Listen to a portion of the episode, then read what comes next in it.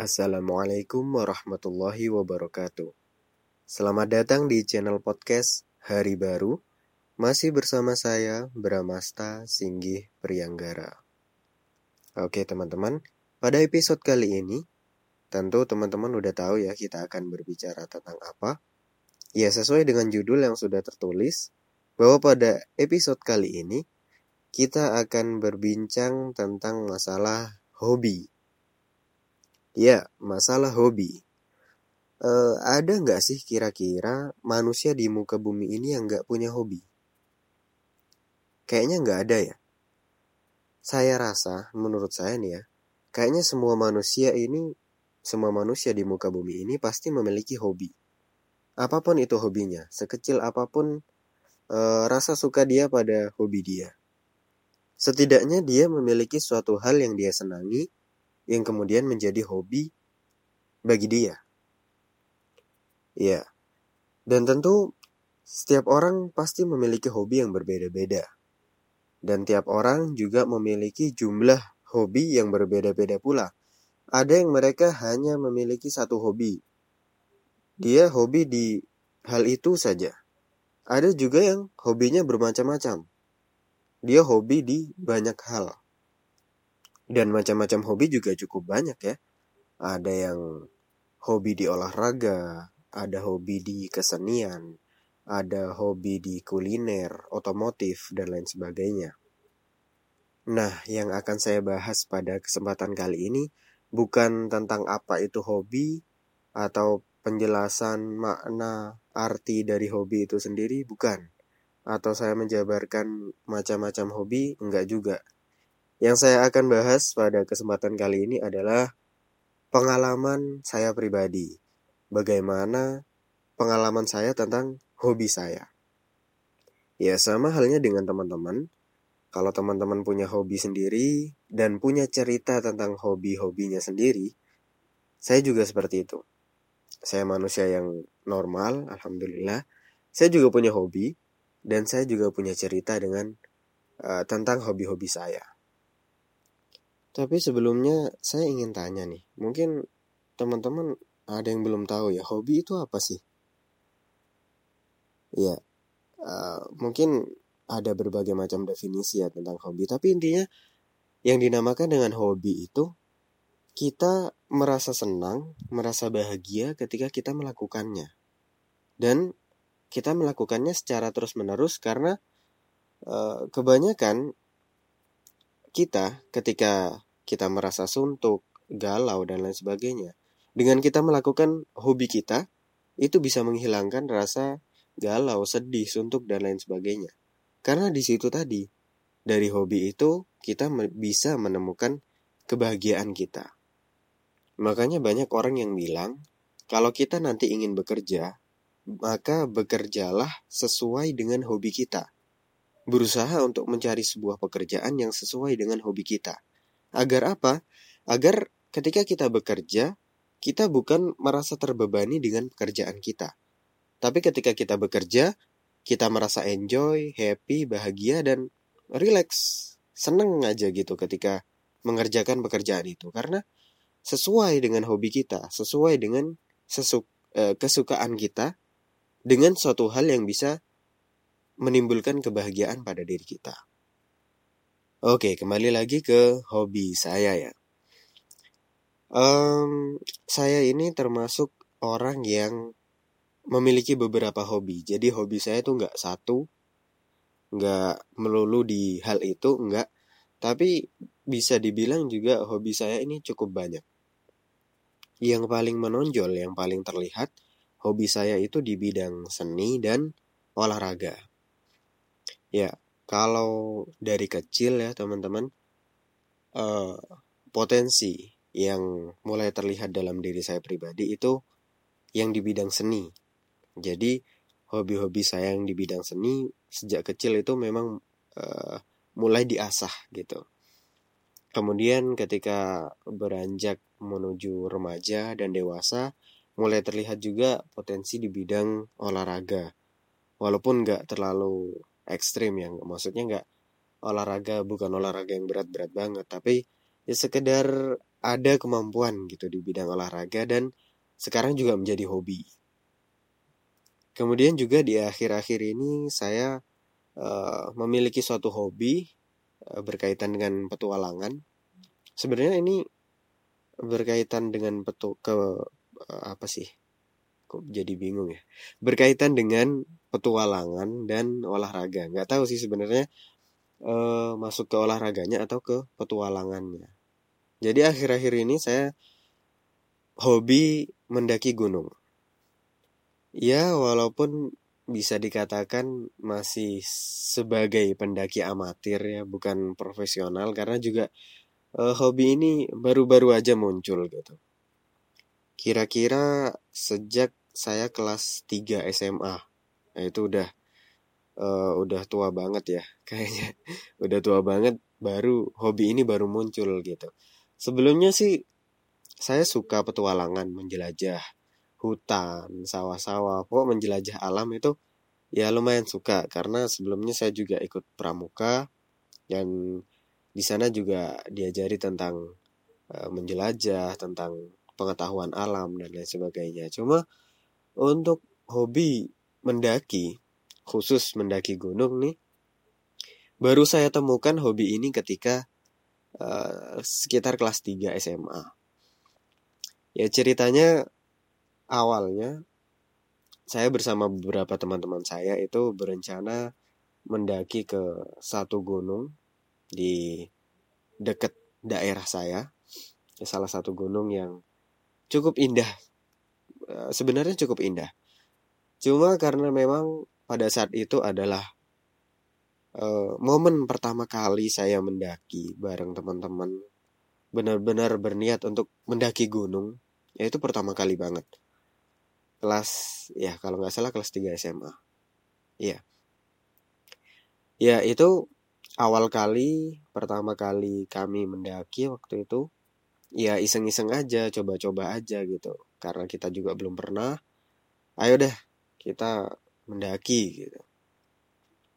Nah, pas perjalanan sih masih oke-oke aja gitu. Perjalanan naik motor gitu karena kami juga seneng gitu touring ya, touring touring naik motor gitu sebenarnya seneng kemudian ketika sampai di lokasi uh, motor kita parkir kita taruh di parkiran kemudian mulai mendaki jalan kaki nah di situlah mulai terasa ini loh petualangan gitu ini loh yang namanya penjelajahan alam yang namanya mendaki ya kayak gini yang jelas capek, pasti capek. Dan yang sangat kita rasakan waktu itu, saat kami rasakan waktu itu, ya rasa capeknya. Karena kebanyakan kami kalau jalan-jalan ya ke pantai atau ke mana kayak gitu yang nggak terlalu ekstrim, nggak terlalu berat. Waktu itu pertama kali naik gunung dan yang paling kerasa itu capeknya sih pasti. Dan gunung itu juga gunung yang mengandung belerang gitu yang belerangnya juga cukup kuat jadi ketika kita capek-capeknya nih pas nafas ngos-ngosan itu kita nyedot belerang bagi teman-teman yang belum pernah uh, merasakan nafas di tengah-tengah belerang itu aduh masya Allah tuh pokoknya kayak nggak bisa nafas gitu nafas jadinya sakit pusing gitu karena belerangnya tajam banget bayangkan ketika kita ngos-ngosan butuh uh, pasokan oksigen yang cukup banyak. Dan ketika kita narik nafas nih, yang ketarik bukan oksigen tapi belerang. Itu rasanya uh, parah banget. Bahkan sampai ada waktu itu salah satu dari teman kami itu sampai nggak kuat, dia minta istirahat, terus akhirnya ya kecapean, lemes banget gitu. Itu awal kali kita uh, kami maksudnya awal kali kami mencoba naik gunung waktu itu kelas 3 SMA dan itu rasanya uh capek banget waktu itu sampai pada titik saya berjanji pada diri saya sendiri ini terakhir kali saya naik gunung. Ini benar-benar terakhir kali saya naik gunung. Ternyata di gunung tuh nggak saya nggak dapat apa-apa dan aduh pokoknya nggak lagi deh gitu. Karena udah tahu capeknya kayak gitu rasanya udah ya Allah kayak gitu ya. Dan saya sampai berjanji ini terakhir kali saya naik gunung. Dan ternyata beberapa saat setelah itu kok timbul rasa kangen ya? Rasa rindu gitu nggak tahu timbulnya dari mana tiba-tiba pengen naik gunung lagi. Dan barulah di saat kedua kalinya di momen yang kedua saya naik gunung barulah saya merasakan bahwa inilah ini nikmatnya naik gunung tuh ini. Jadi memang rata-rata orang yang pertama kali naik gunung itu rata-rata nih ya kebanyakan nggak semuanya sih kebanyakan mereka uh, belum bisa merasakan feelnya nikmatnya naik gunung tuh mereka belum bisa merasakan. Dan ini juga tergantung dengan beberapa faktor ya. Uh, terutama partner teman kita saat kita uh, naik gunung. Teman kita itu sangat berpengaruh. Partner-partner kita saat naik gunung itu sangat berpengaruh bagi kejiwaan dan mental kita ya kalau kita dapat temen yang kurang nyaman untuk naik gunung ya jadinya kita nggak suka gitu naik gunung. Karena memang temennya yang bikin kita nggak suka gitu. Tapi kalau kita dapat temen yang ternyata bisa membuat kita suka sebenarnya bukan membuat ya uh, lebih ke mendukung mendukung situasi saat itu.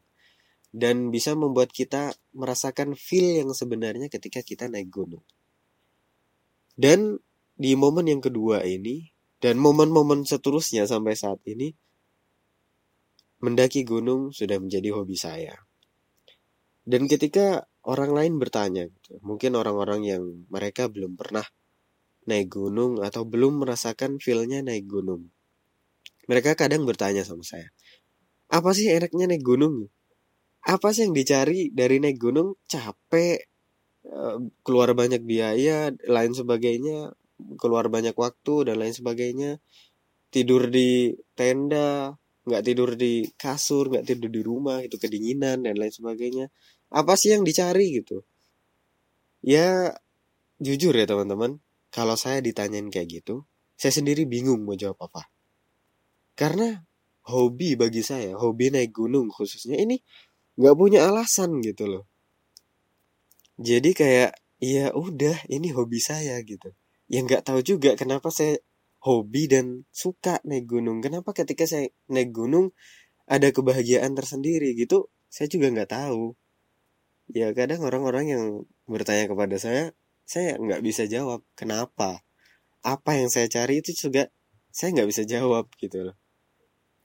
Karena sebagaimana yang kita tahu cinta itu nggak butuh alasan kan ya kalau udah cinta cinta aja gitu. Ya yeah. oke balik lagi ke hobi ya. Jadi gitu itu cerita saya tentang hobi naik gunung di akhir-akhir ini. Dan kemudian uh, menurut saya juga uh, tentang naik gunung tadi ya balik ke naik gunung tadi.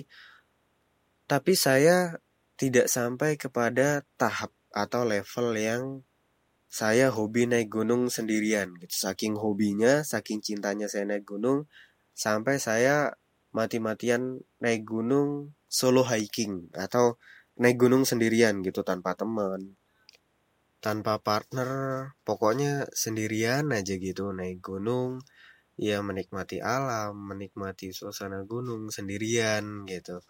Saya nggak sampai ke tahap itu, nggak sampai ke level itu.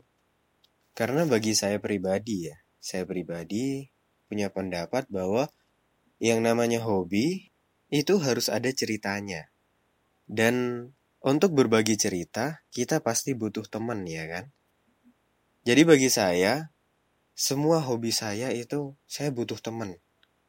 Setidaknya untuk berbagi cerita tentang hobi yang sudah kita jalani. Jadi bagi saya, kalau saya punya hobi, tapi saya nggak punya teman untuk berbagi cerita, atau setidaknya punya teman yang menemani saya untuk melaksanakan hobi itu, saya jadinya nggak hobi gitu.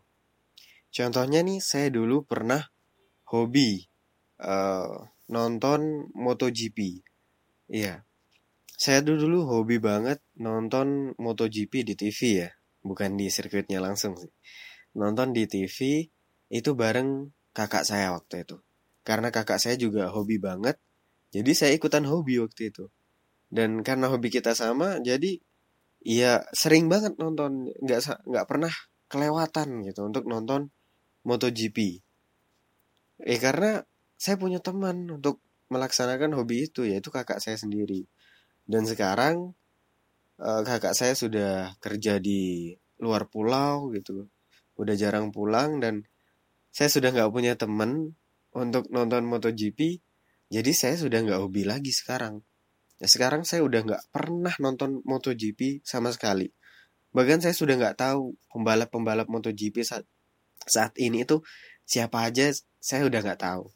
Yang saya tahu ya Rossi masih di sana Lorenzo terus yang lain udah nggak tahu sih Marquez. Marquez kalau dulu saya hampir hafal semua jagoan saya dulu Dani Pedrosa walaupun dia nggak pernah menang tapi dia tetap jagoan saya.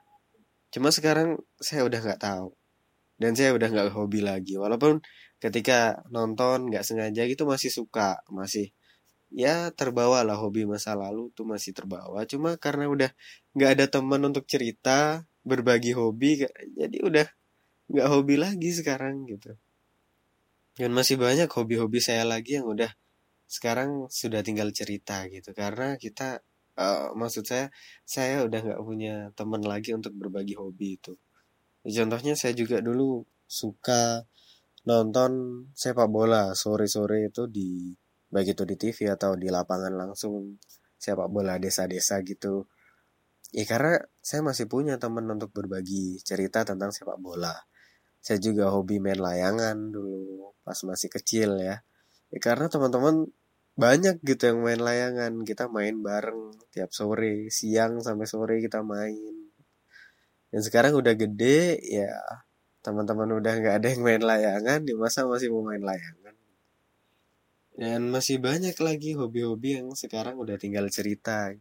Dan bisa jadi sih saya saya khawatir juga takutnya hobi yang baru saya temukan ini hobi mendaki gunung ini karena saya sulit mendapatkan teman partner untuk saya ajak naik gunung. Jadinya hobi saya ini juga tinggal cerita nanti.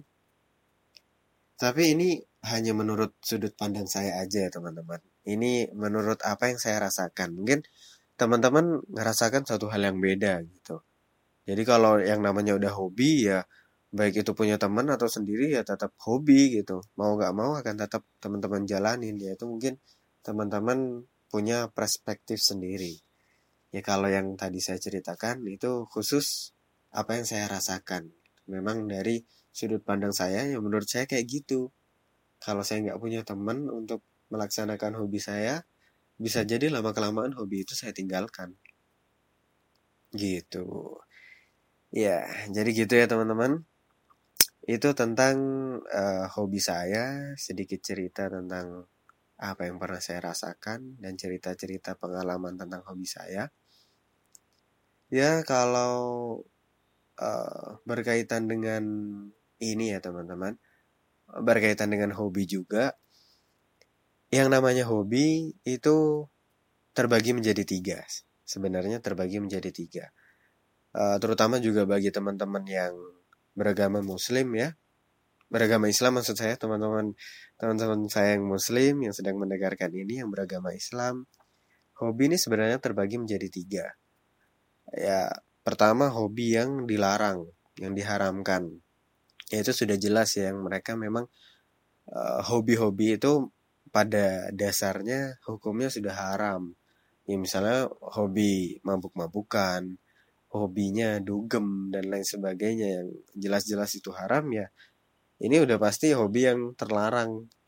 Kemudian jenis yang kedua ada hobi yang hukumnya boleh. Kalau dalam ilmu fikih dia mubah ya hukumnya. Ya boleh boleh aja gitu. Nggak dilarang juga nggak dianjurkan. Ya boleh gitu. Terserah mau dilakuin mau nggak monggo gitu silahkan. Ya untuk hobi yang hukumnya boleh ini ya teman-teman silahkan lakukan demi untuk mencari kebahagiaan teman-teman ya Mungkin ketika suntuk, galau, dan lain sebagainya, teman-teman lakukan hobi ini, tapi jangan sampai berlebihan. Ya walaupun hukumnya boleh, kalau terlalu berlebihan juga nantinya jatuhnya ke nggak boleh gitu. Karena dalam Islam memang segala sesuatu yang berlebihan itu nggak baik. Jadi ya walaupun hukumnya boleh, ya secukupnya aja lah ya. Dan jenis yang ketiga yaitu hobi yang dianjurkan. Jadi ada beberapa jenis hobi yang mungkin teman-teman di sini ada yang memiliki hobi itu ya.